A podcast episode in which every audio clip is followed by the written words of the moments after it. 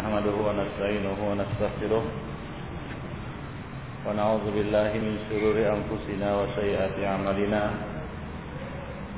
من يهده الله فلا مضل له ومن يضلل فلا هادي له. أشهد أن لا إله إلا الله وحده لا شريك له. وأشهد أن محمدا عبده ورسوله. يا أيها الذين آمنوا اتقوا الله حق تقاته.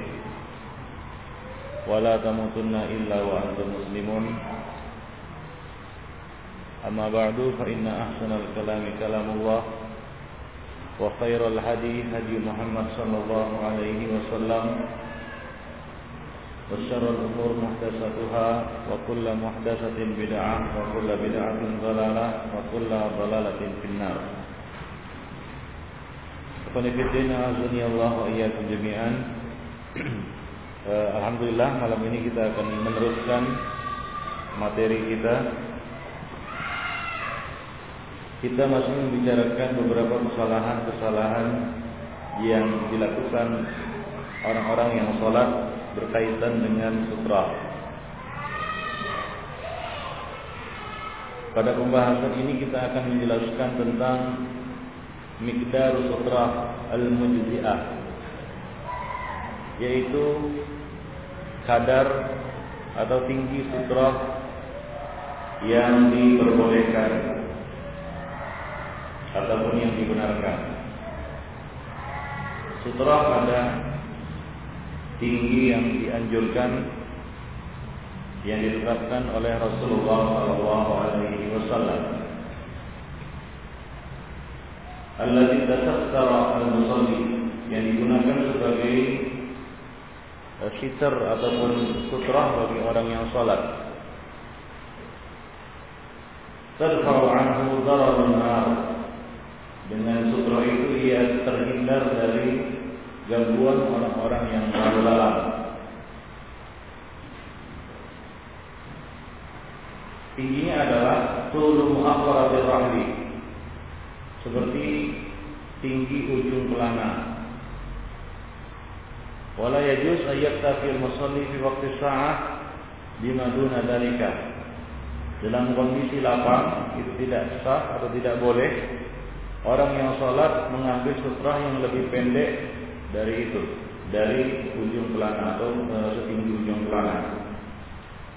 Nanti kita jelaskan berapa kira-kira tingginya ataupun panjangnya. Ada beberapa riwayat di antaranya dari Talha yang mengatakan kalau Rasulullah Shallallahu Alaihi Wasallam Ida wada'a ahadukum baina yadayhi mithla mu'akhkharat ar-rahli falyusalli. Jika salah seorang dari kamu meletakkan di hadapannya benda seperti tingginya seperti ujung pelana pelana pelana kuda ataupun unta falyusalli hendaklah dia kerjakan salat. Wala yubali man marra wara'ahu dzalika. Jangan dia pedulikan, jangan dia hiraukan orang-orang yang lewat di belakang sutra itu. Demikian pula dari Aisyah radhiyallahu anha yang mengatakan, "Ila Rasulullah fi ghazwati Tabuk an sutratil musalli." Pada peperangan Tabuk Rasulullah pernah ditanya tentang sutra orang yang salat. Maka beliau mengatakan, yaitu ditanya tentang spesifikasinya, tingginya dan bentuknya. Maka Rasulullah mengatakan kamu akharatil rahli yaitu seperti ujung pelana. Wa Nabi Dzar radhiyallahu anhu qala qala Rasulullah Idza qama ahadukum yusalli ini hadis Abu Dzar yang mengatakan Rasulullah bersabda jika salah seorang dari kamu mengerjakan salat فإنه يستره إذا كان بين يديه مثل هذا الرحل maka bisa menjadi sutra baginya jika di hadapannya terdapat benda setinggi uh, ujung pelana. Saya lam yakun baina yadayhi illa akhirat rahli jika dia tidak ada di hadapannya benda setinggi ujung pelana, fa innahu yaqta'u salatahu al-himar wal mar'ah wal kalbul aswad. Maka salatnya dapat diputus oleh al-himar yaitu keledai wal mar'ah wanita dan al-kalbul aswad anjing hitam. Wa ahlul ilmi yarawna anna ta'khir al-bayan an waqtil hajah la yajuz. Ini satu kaidah yang dibuat oleh para ulama yaitu taksirul bayan an waqtil hajah yajuz. Tidak boleh menunda penjelasan pada waktu yang dan termasuk salah satu waktu hajah adalah pada saat istifsar yaitu ditanya dimintai penjelasan. Wa nabiyyu inna masila amma yujzi Rasulullah ditanya tentang sesuatu yang bisa dan boleh dijadikan sebagai sutra, yang sah dijadikan sebagai sutra. Kalau kan itu akal min dalika, kalaulah lebih rendah dari itu boleh dan e, dibenarkan menjadi sutra, lamma jaza ay akhar an waktu soal. Tentunya tidak boleh ditunda ataupun ditangguhkan uh, apa namanya setelah munculnya pertanyaan tersebut ya ketika menjawab pertanyaan itu. Jadi Nabi Shallallahu Alaihi Wasallam memberikan ukuran untuk sutra tingginya yaitu e, setinggi muakhirat rahli yaitu ujung pelana. Ini tingginya ya bukan lebarnya. Tapi di sini juga saya membantah orang-orang yang yang mengatakan bahwa ukurannya adalah lebar bukan panjang bukan tinggi. Ya, kalau lebar berarti itu benda diletakkan seperti ini, bukan seperti ini. Ya, demikian. Warahal miqdaru dhira'. Rahal miqdaru dhira'. Pelana itu ujungnya apalagi itu e, tingginya kadar satu dhira', satu hasta. Sebagaimana ditegaskan oleh Allah, Qatadah, Tawri, Nafi' dan lain-lain. Wadhira' dan ukuran dhira' itu adalah baik ma baina tarful mirfaq yaitu antara ujung mirfaq siku ila tarfi al-asabi al-asbu al-wusta sampai ke ujung jari tengah. Wa yuqaddar dan ukurannya kira-kira ini kira-kira 46,2 cm. 42,6 cm. Itu ya ada ada. Nah kira-kira segitulah atau setinggi inilah dia sutra yang di apa namanya yang dibenarkan oleh Rasulullah Shallallahu Alaihi Wasallam. Dan ukurannya tadi di sentimeter kan sekitar 46,2 cm. Ini ukuran eh, apa namanya Jika kita menemukan bendanya dalam kondisi lapang, kalau kita ada pilihan dua benda, satu seperti ini, satu lebih tinggi lagi. Mana maka mana yang kita pilih? Yang lebih tinggi. Kalau bisa lebih untuk apa namanya lebih e, memastikan bahwasanya tingginya itu sudah memadai. Nah demikian. Dalam waktu lapang ya, dalam kondisi ya, kita tidak menemukan apa-apa, maka ya kita katakan benda yang kurang dari itu juga dibenarkan. Baik. Wasabata anna Nabi sallallahu alaihi wasallam dan ukuran 46,2 cm ini adalah tingginya bukan lebarnya. Karena kalau lebarnya 40,6 cm 46,2 cm ya tentunya ya ini eh, susah untuk menjadi benda seperti ini ya. Susah untuk menjadi benda 46 kali 46. Ya kecuali dinding kan begitu. Nah, jadi susah menemukan benda yang seperti itu. Jadi jelas yang dimaksud adalah tingginya, bukan lebarnya juga. Kalau kalau disertakan juga lebarnya, maka seperti yang kita sebutkan tadi, akan kesusahan kita mencari benda yang lebarnya seperti itu. Tapi kalau tingginya seperti itu, mungkin banyak dan bisa diadakan. Baik, seperti itu. Sebagai contoh, itu meja ini, ini bisa dijadikan sutra. Kalau anda mau, mau menjadikannya sebagai sutra, mana yang berbagus? Dibuat dalam kondisi seperti itu atau ditegakkan? Tegakkan. Kenapa? Ya lebih tinggi dan lebih uh, mendekati kepada uh, ukuran yang disebutkan oleh para ulama di sini atau zirah, atau zirah yaitu 46,2 cm. Demikian seperti itu. وثبت أن النبي صلى الله عليه وسلم صلى إلى العنزة والرمح wa nahwihima dan telah sahih juga dalam banyak riwayat bahwasanya Rasulullah salat dengan menghadap tombak ataupun busur panah yang ditancapkan dan sebagaimana dimaklumi bahwa kedua benda ini sangat tipis, diqqah, sangat tipis. Ya, kalau diukur lebarnya, ya tentunya tidak hanya tidak sampai 5 ataupun bahkan kurang dari 3 cm lebarnya, bahkan kurang dari itu. Ya, kalau bahkan busur panah, ya kalau anak panah itu mungkin lebih tipis lagi. Demikian benefitnya. Mungkin seukuran jem, uh, selebar jempol ini aja. Wahada yu'akid anna al-maqsud bi bulughi sutrah zira'an fi tuli la fil ard. Jadi ini menegaskan bahwa yang dimaksud dengan tinggi eh, dengan ukuran itu 46,2 cm itu adalah fitul yaitu tingginya la fil ard bukan lebarnya.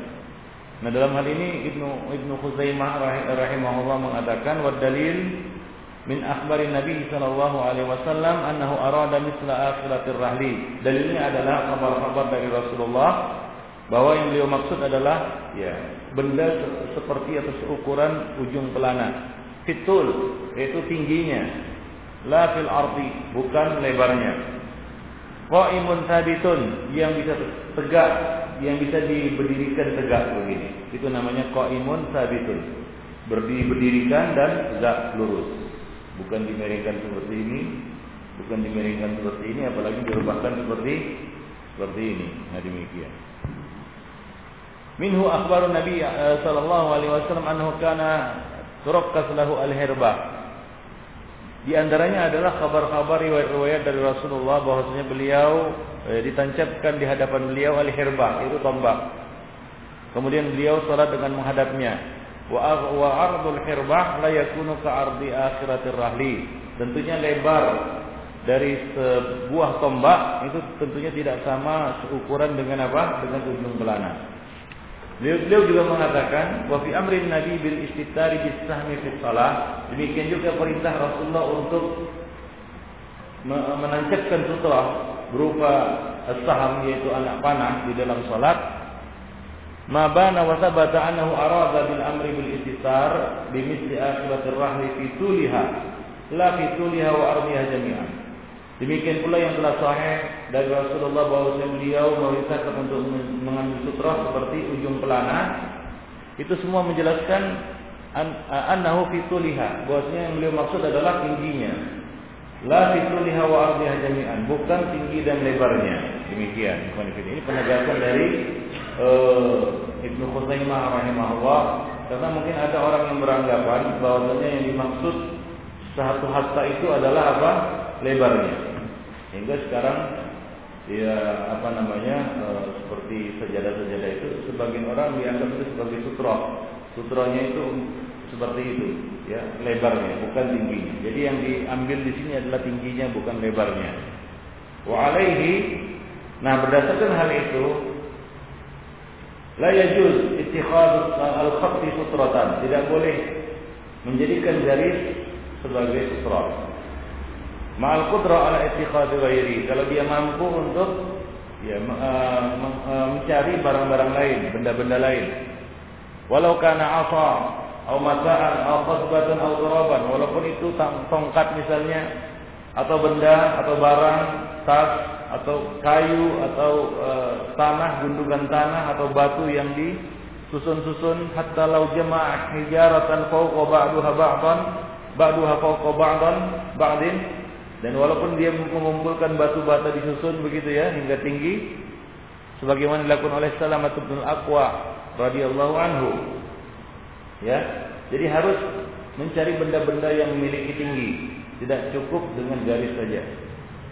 Wa minal jadir bil dan sebagaimana yang telah disebutkan ya, perlu disebutkan di sini dan pernah pernah kita juga singgung ini anna hadisa ittikhadul khatti sutratan ba'id bahwa menjadikan garis sebagai sutra itu adalah hadisnya dhaif. Ya tidak sah.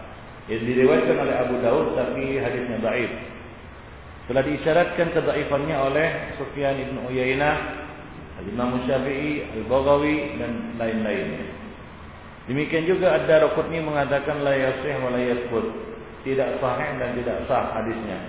Yaitu hadis yang menjadikan khat yaitu garis sebagai sutra. Al-Imam Syafi'i mengatakan di dalam Sunan Harmalah, uh, Sunan Harmalah Beliau mengatakan wala yukhat yakhuttul musalli baina yadayhi khattan. Bahwa orang yang sholat tidak boleh menarik garis ataupun membuat garis di hadapannya. Lalu dia sholat berdasarkan garis itu. Itu bukan sutra. Illa ayyakuna dzalika fi hadisin sabitin fayuttaba. Kecuali jika ada hadis yang sahih. Maka barulah boleh diikuti dan diamalkan. Nabi biasa Imam Syafi'i mengatakan dalam sahih hadis bahwa madhabi. Jadi ada belum mengisyaratkan ada hadisnya tapi masih dipersoalkan kesahihannya yaitu hukum uh, status hadis tersebut. Maka beliau mengatakan illa ayyakuna dzalika fi hadisin sabitin. Jika hadisnya dalam masalah itu sahih, ya barulah boleh diikuti. Jika tidak, maka tidak boleh dijadikan sebagai sandaran amal. Demikian Ibn Fiddin. Wa qala malikun fi al-mudawwanah al-khattu batilun garis adalah batil. Artinya hadis yang menjelaskan tentang garis sebagai sutra itu adalah hadis yang batil, tidak sah. Wa dha'afahu min al-mutaakhirin Ibnu Salah wa Nawawi wal Iraqi wa ghairuhum. Dan ini juga di, uh, di apa namanya? Didhaifkan oleh ulama-ulama mutaakhirin yang datang belakangan seperti Ibnu Salah, An-Nawawi, Al-Iraqi dan lain-lainnya dan yang termasuk di antara ulama yang mendhaifkannya adalah Syekh Al-Albani di dalam Tamamul Minnah ya ketika membantah uh, Sayyid Sabit di dalam buku uh, fikih sunnahnya. Baik. Wa baqiya ba'da hadza yuqal. Kemudian setelah itu ini kita melanjutkan satu perkara yang perlu diketahui lagi yaitu innal ma'mum la tajibu alaihi sutra. Bahwa makmum tidak wajib mengambil sutra.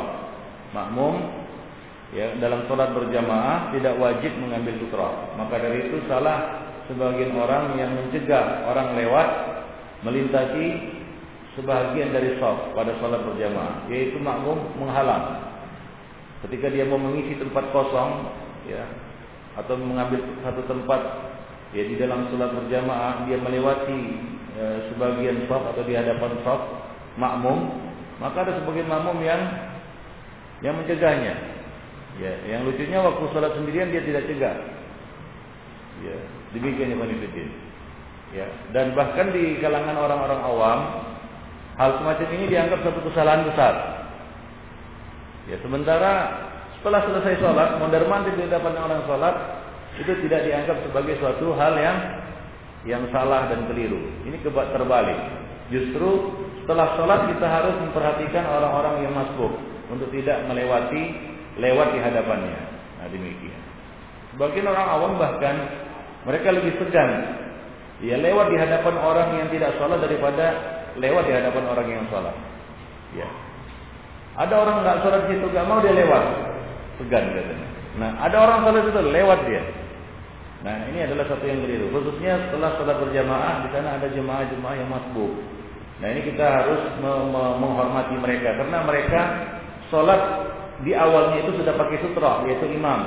Kemudian ya imam selesai mereka masih melanjutkan sholat. Ya beda halnya dengan orang yang mulai dari sholatnya itu tidak pakai sutra. Orang yang masbuk ini kondisinya sama seperti orang yang sholat dengan menghadap kepada kendaraannya, yaitu keledainya atau kudanya atau ontanya. Kemudian ontanya pergi, ontanya pergi. Ontanya lari atau kudanya lari atau keledainya lari.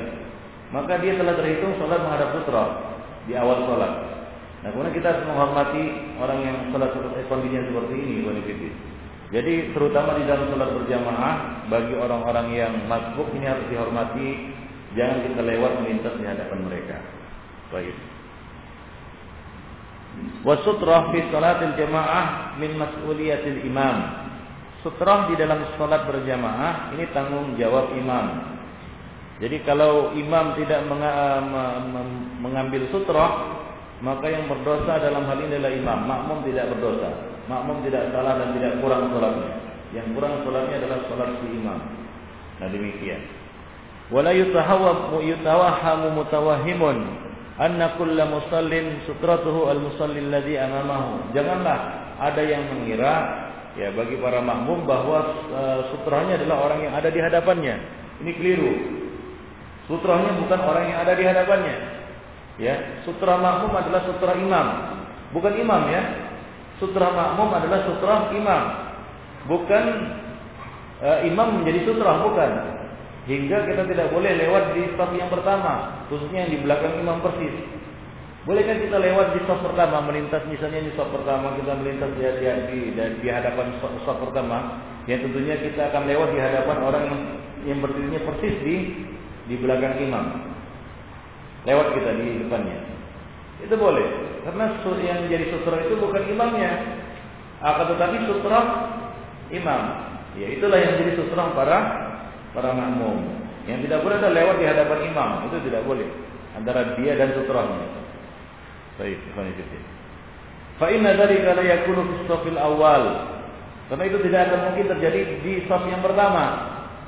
Khususnya eh, masjid-masjid yang tidak pakai ini juga menunjukkan ikhwan fillah ya, bahwa masjid-masjid itu biasanya tidak pakai apa? Mihrab. Ya kalau masjid yang pakai mihrab menjorok ke depan kan begitu ya. Pertama tentunya menghadap dinding. Nah ini kita bicara masjid yang sunnah, yang tidak pakai mihrab seperti di sini. Nah kalau kita sholat di sini, tentunya imam di sini ya. Di mana uh, pertama? Ya di sini, di belakang ini. Nah mereka tidak jauh dari dari sutra.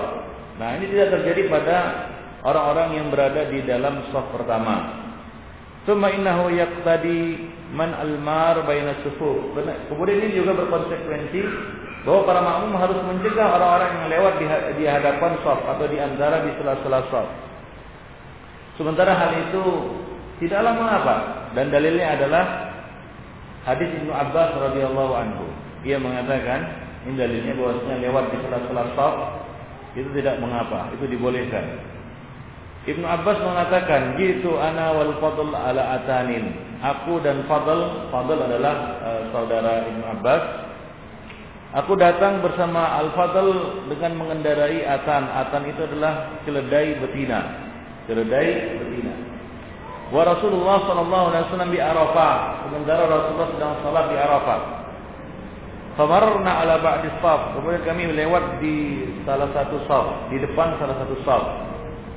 Fanazalna fatarakna narta fataraknaha narta tarta. Lalu kami turun dari keledai itu dan kami biarkan keledai itu merumput. Wa dakhalna ma'a Rasulillah fi shalah. Kemudian kami ikut salat bersama Rasulullah. Falam yakul lana Rasulullah say'an. Sementara Rasulullah tidak apa namanya? tidak menegur apa pun terhadap kami. Jadi Rasul tidak menegur mereka berdua. Di dalam riwayat lain dikatakan annal atan marrat baina yaday ba'd as awal. Bahwasanya keledai itu lewat di hadapan e, staf pertama. Ya, jadi ketika itu ya keledai betina itu lewat di hadapan staf pertama. Bagaimana disebutkan? Ya, e, kalau kalau keledai itu lewat di, di hadapan staf pertama, tentu dia akan lewat di hadapan orang yang persis di belakang imam sholatnya. Jadi tidak memutus sholat mereka. Nah demikian. Dan Rasulullah tidak menegur apa pun, tidak tidak berkata apa pun kepada keduanya. Dan sholat mereka tidak terputus karena yang lewat itu keledai. Sebagaimana kita sebutkan bahwasanya salah satu di antara tiga perkara yang membatalkan sholat apabila lewat di hadapan orang yang sholat adalah keledai. Nah, jadi keledai tidak memutus sholat mereka. Ya, karena tidak lewat di hadapan sutra mereka. Kecuali keledai itu lewat di hadapan imam. Maka batallah sholat mereka semua. Demikian yang fitin. Fahadha Ibn Abbas wal Fadl yamurran ala himari unta. Coba lihat dalam kisah ini Ibnu Abbas dan Al-Fadl lewat dengan mengendarai keledai betina di hadapan saf. Namun tidak ada satu orang pun sahabat yang mencegah lewatnya keledai tersebut. Ya, mencegah lewatnya keledai tersebut. Falam tarudul al-atan aidan. Mereka tidak mencegah keduanya dan tidak juga mencegah keledai betina itu. Summa lam yunkir ahadun alaihim dalika walan nabi. Tidak ada satu orang pun yang mengingkarinya. Tidak para sahabat dan tidak juga Rasulullah sallallahu alaihi wasallam. Jika ada yang mungkin yang mengatakan minal mungkin minal mungkin ayyakuna nabi lam ya'lam dalika. Ada kemungkinan atau anggaplah ada orang yang mengatakan mungkin Rasulullah tidak mengetahuinya, maka jawabannya adalah illam yakun ra'ahuma an-nabiy sallallahu bijanibihi faqad min khalfihi Ya, kalaulah Rasulullah Shallallahu Alaihi Wasallam tidak melihatnya dari sisinya, maka Rasulullah bisa melihat keduanya dari belakangnya. Karena Rasulullah bisa melihat apa-apa yang ada di belakang beliau di dalam salat. Rasul mengatakan, "Hal tarawna kiblati hahuna?" Tidakkah kalian lihat kiblatku di sebelah sini? Wallahi la yakhfa alayya khusyu'akum wala ruku'akum. Sungguh tidak tersamar atasku ruku kalian dan khusyuk kalian. Inni la, arakum min wara'i dhahri.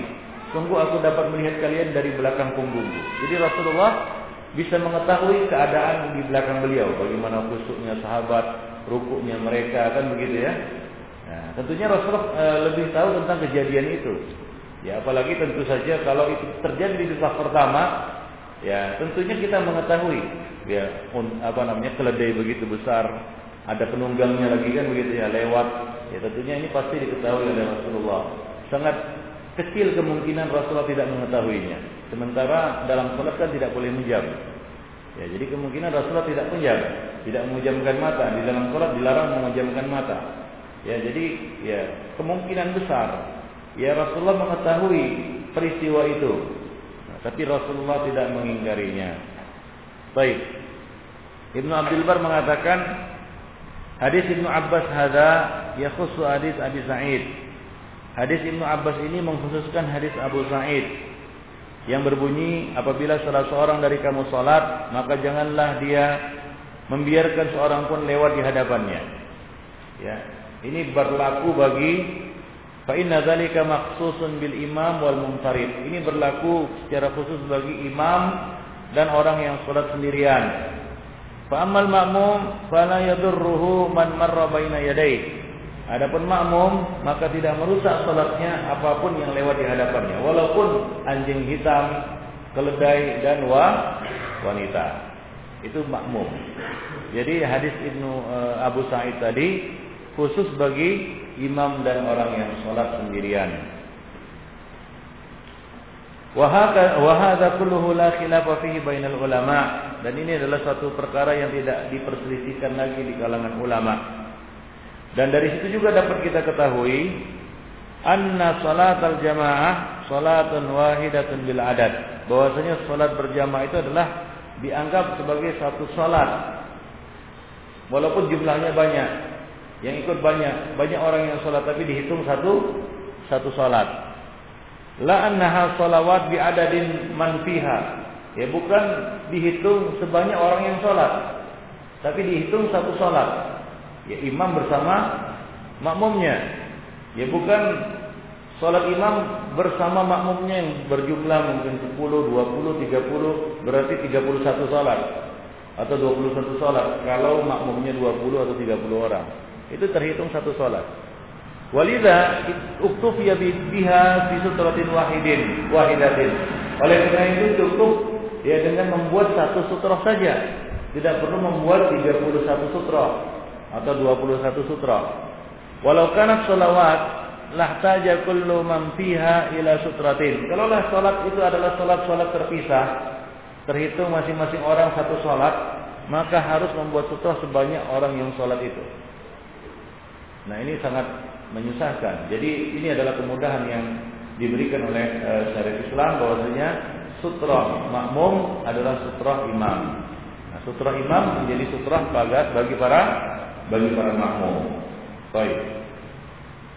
Kemudian berikutnya Ibn Fiddin, fa in lam yattakhidh al-imam sutra.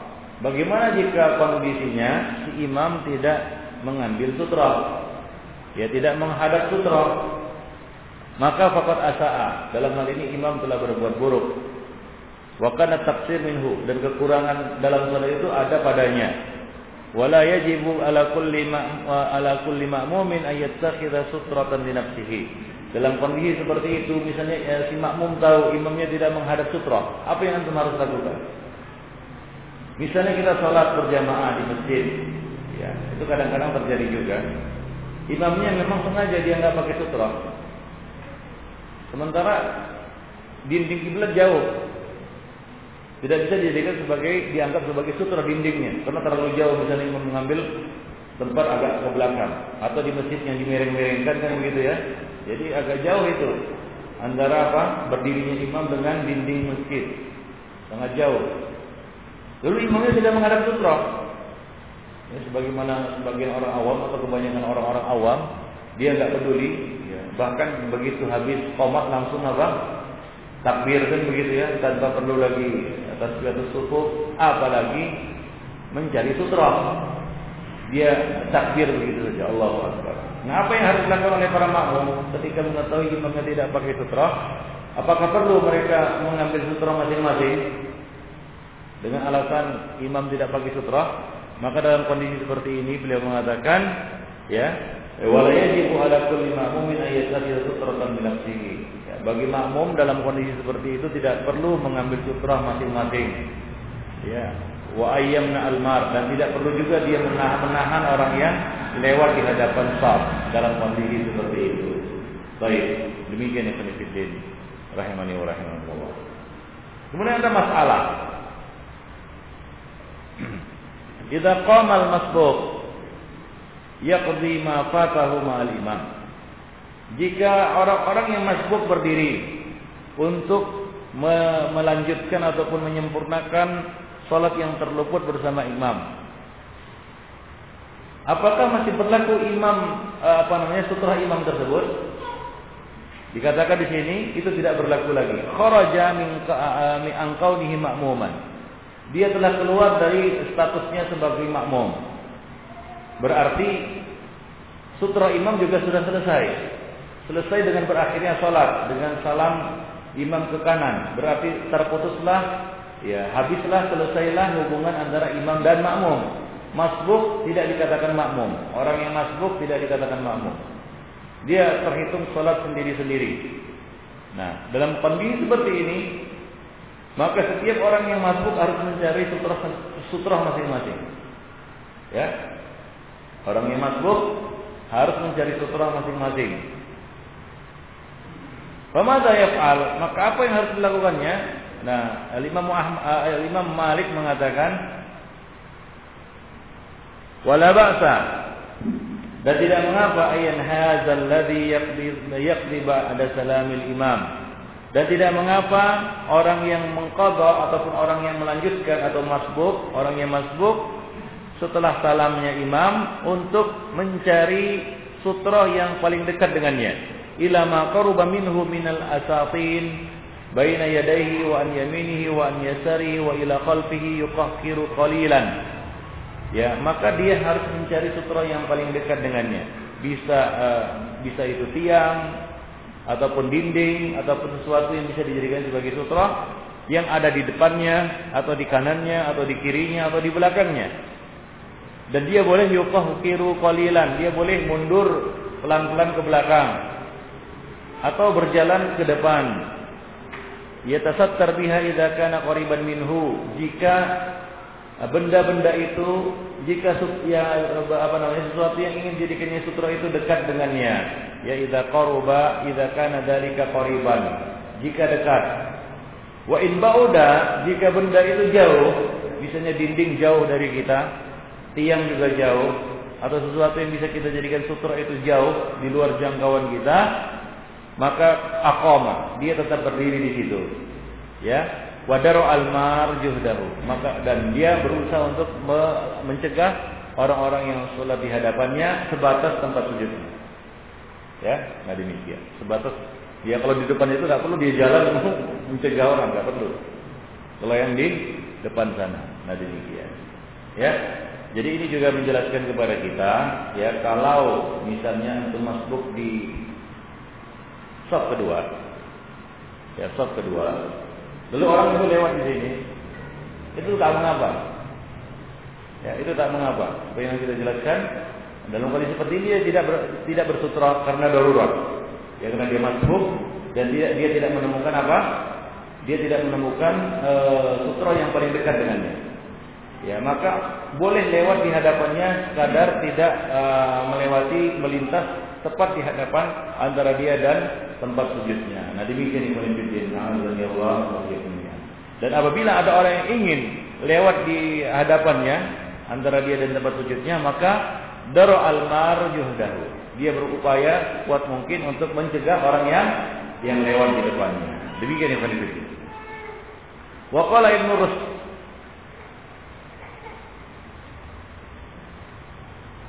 Idza qama liqada'i ma fatahu min salatihi. Jika seorang melanjutkan salat yang terluput, yang tertinggal dari salatnya, yaitu dia masbuk, fa in kanat bi qurbihi sariyah, jika di dekatnya ada tiang, sara ilaiha, dia boleh berjalan mendekatinya. Wa kanat sutratan lahu fi baqiyati salatihi, dan itu tiang itu menjadi sutra bagi sisa salatnya, untuk sisa salatnya. Fa in lam takun bi qurbihi sariyah, jika tidak ada di dekatnya syariah. Ya, syariah artinya tiang. Salat kama huwa, maka dia salat di situ saja. Para ulama di sini tidak menjelaskan jauh dekat itu ukurannya berapa. Ya, eh, pernah ditanyakan ya kepada beliau yang menulis. Ya, sekadar tiga langkah. Tiga langkah itu dipergolong apa? Dekat. Kalau lebih dari itu harus 10 langkah atau 4 5 langkah tujuh langkah ke sutra itu artinya jauh. Maka dia tetap berdiri di tempatnya. Jadi di, diperkirakan saja. Ya kalau ini dengan tiga langkah itu bisa dekat ke sutra maka dekati.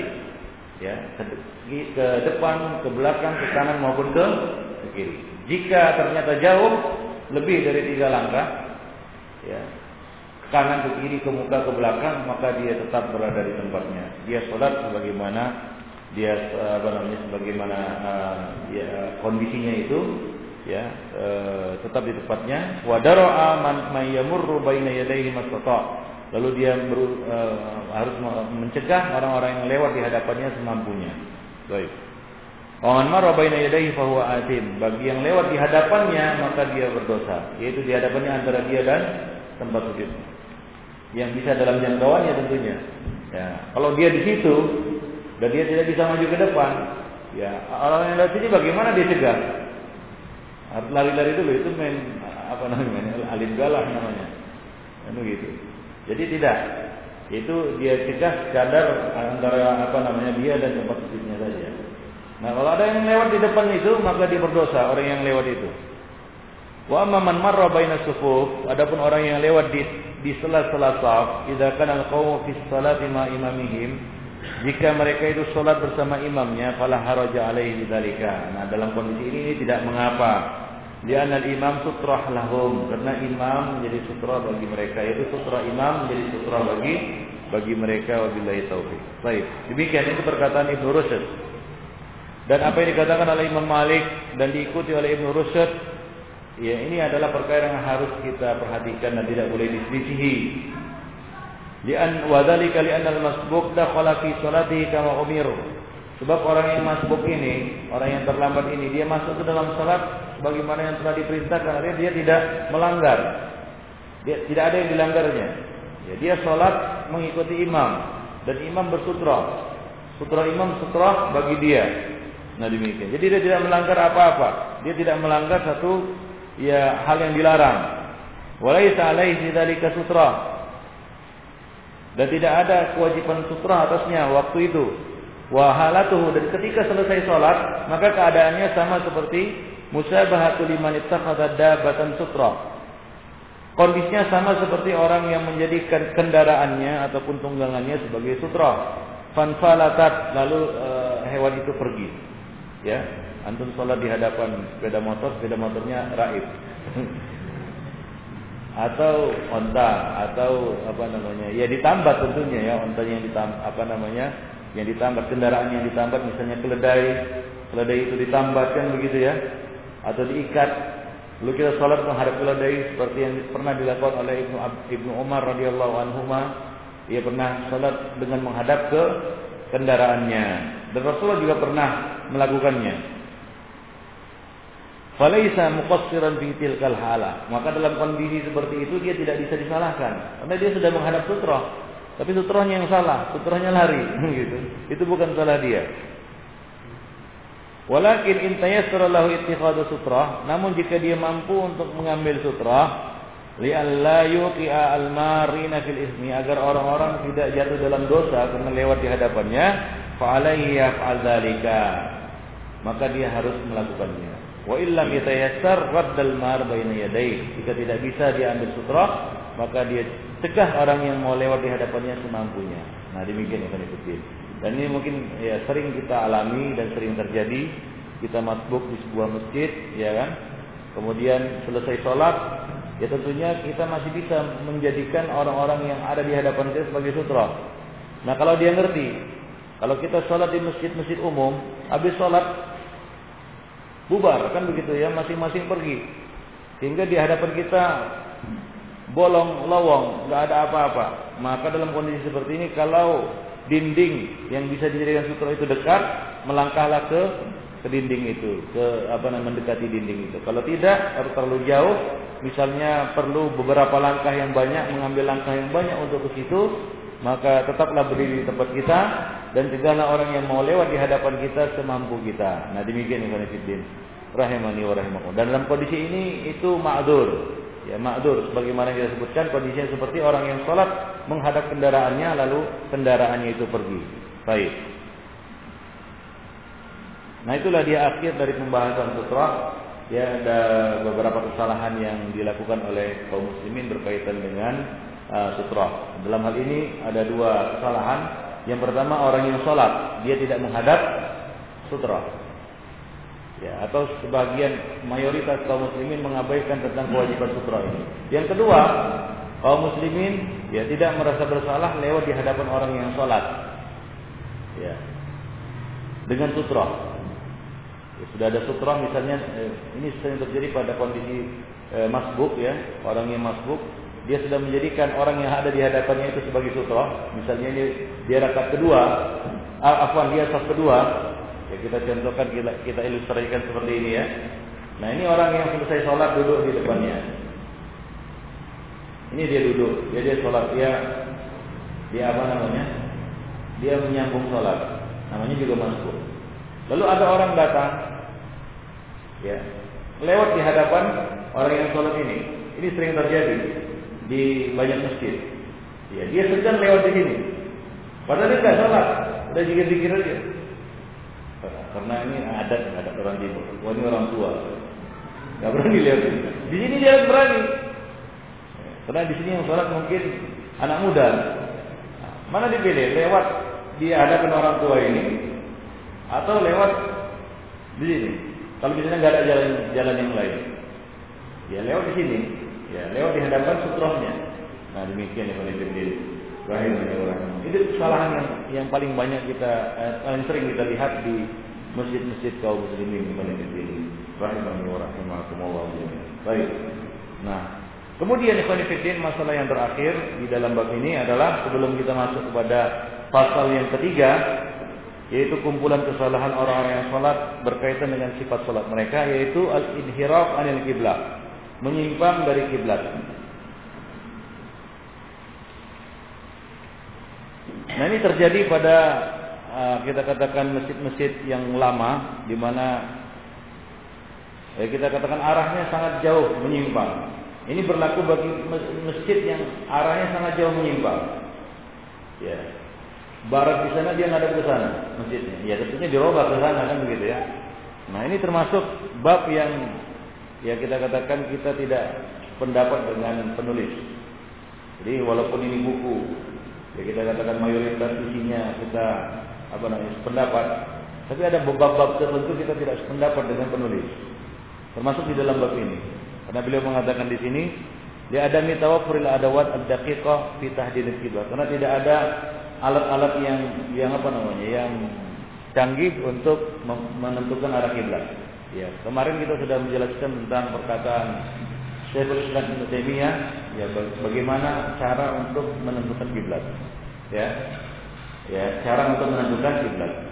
Jadi selain bahwasanya seperti yang sedang heboh di Jawa sekarang ini yaitu eh, seribuan masjid itu dibelokkan kiblatnya. Dibelokkan kiblatnya. Terjadi perselisihan. Sebagian ada yang apa namanya? Ada yang mau dibelokkan kiblatnya, sebagian lagi menolak. Terjadilah apa namanya kontroversi ataupun perselisihan di kalangan kaum muslimin akibat e, masalah ini disebabkan masalah ini. Nah, jadi ikhwan fillah Allah wa jami'an kita sudah jelaskan bahwa di dalam menentukan arah kiblat Rasulullah sallallahu alaihi wasallam telah me, me, menjelaskan hadis Ya, ma bainal masyriq wal maghribi kiblat. Antara timur dan barat adalah kiblat. Nah, di sini saya lihat penulis Syekh Masyhur tidak menjelaskan masalah ini secara detail, hanya sekilas. Dengan pembahasan yang tidak tuntas hingga tidak bisa kita tarik satu kesimpulan harusnya uh, wajibnya memakai kompas untuk menentukan arah kiblat. Nah, tidak ada para ulama mutaqaddimin yang mengatakan seperti itu. Bahkan Ibnu Taimiyah telah menukil ijma' sahnya sholat di masjid-masjid yang dibangun oleh para sahabat walaupun masjid-masjid yang dibangun oleh para sahabat itu mayoritasnya tidak tepat mengarah secara garis lurus ke ke Ka'bah atau ke mana mana ke Masjidil Haram.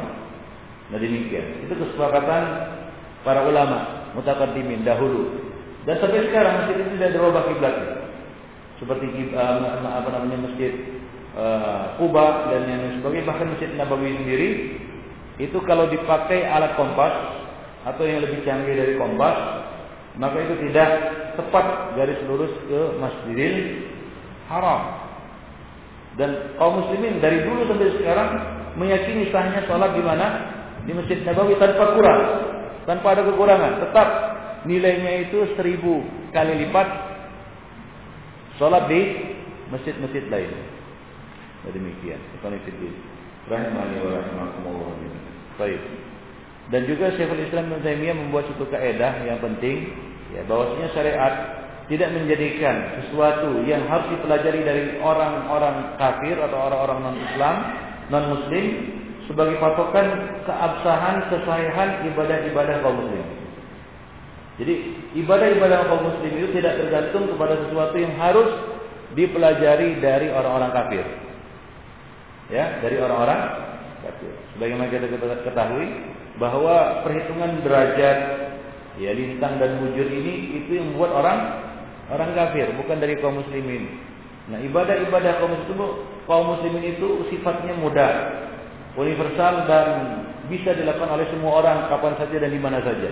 Dahulu sampai se sekarang, Itulah sifat syariat. Jadi kita termasuk juga menyayangkan di sini kenapa saya hanya apa namanya me, mengupas sekilas saja dan tidak mengupas secara panjang lebar dan pernah juga ditanya di daurah beliau tetap berpegang kepada hal ini yaitu apa wajibnya pakai alat itu untuk menentukan arah Ya begitulah dia. Ya. Demikian Ibnu Fiddin. Kullun yu'fas wa yurad qawluhu illa sahib hadha al-qabr. Semua bisa diterima dan ditolak pendapatnya kecuali penghuni makam ini yaitu Rasulullah Sallallahu Alaihi Wasallam. Baik. Atau bisa kita ambil, kita bawakan apa yang dimaksud oleh penulis di sini, walaupun sebenarnya bukan yang dimaksud oleh beliau, yaitu jika arah masjid itu sangat menyimpang. Inhirafan yakunu fahisan. Ya, yaitu apa menyimpang sekali. Misalnya ini ya, itu di sana barat, lalu dia menyimpang ke sana, ke utara atau selatan. Dan ini jauh menyimpang atau menyimpang ke tenggara ataupun ke barat laut atau barat daya.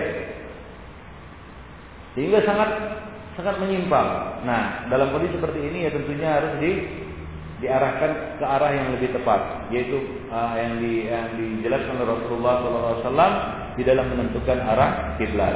Ma bainal masyriqi wal maghribi kiblatun antara timur dan barat adalah kiblat. Nah, demikian yang penelitian rahimani wa rahimakumullah.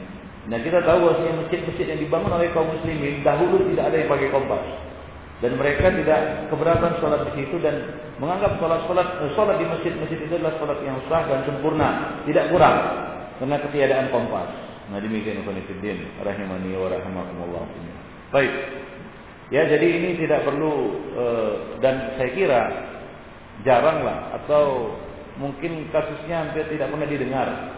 Masjid yang arah kiblatnya sangat menyimpang. Kalaupun ada ya kasusnya satu dua lah. Yaitu menghadap ke sana. Kecuali ada yang sesat, arsat ya. Ada yang kemarin itu di Sulawesi kiblatnya ke selatan. Aliran apa itu kemarin? Ditangkapi orangnya. itu kiblatnya mengarah apa? Ke selatan. Ya tentunya ini salah. Tapi kalau kiblatnya ke barat dan dia telah mengikuti petunjuk Nabi, tenang Nabi di dalam masalah menentukan kiblat, maka tidak perlu lagi kita taati ya, apa namanya arah masjidnya. Nah demikian. Mimma ittarra ba'dul qa'imina ala amriha ila ittikhadhihi balil khas. Hingga untuk apa namanya meluruskan arah kiblatnya terpaksa, terpaksa pakai apa? Pakai tali. Hingga kalau demikian karena kiblatnya sudah mereng-mereng kan begitu ya. Maka yang garis apa namanya tali yang ditarik juga atau garis yang ditarik juga mereng itu. Kadang-kadang itu sangat merusak pandangan. Ya merusak keindahan satu ya. Kedua merusak apa, apa namanya? Dan menyulitkan. Ya menyulitkan. Dan sebagian orang yang nggak tahu dia tetap sholat menghadap mihrab yang dibangun. Tidak mengikuti garis itu. Demikian Ibn Fitin.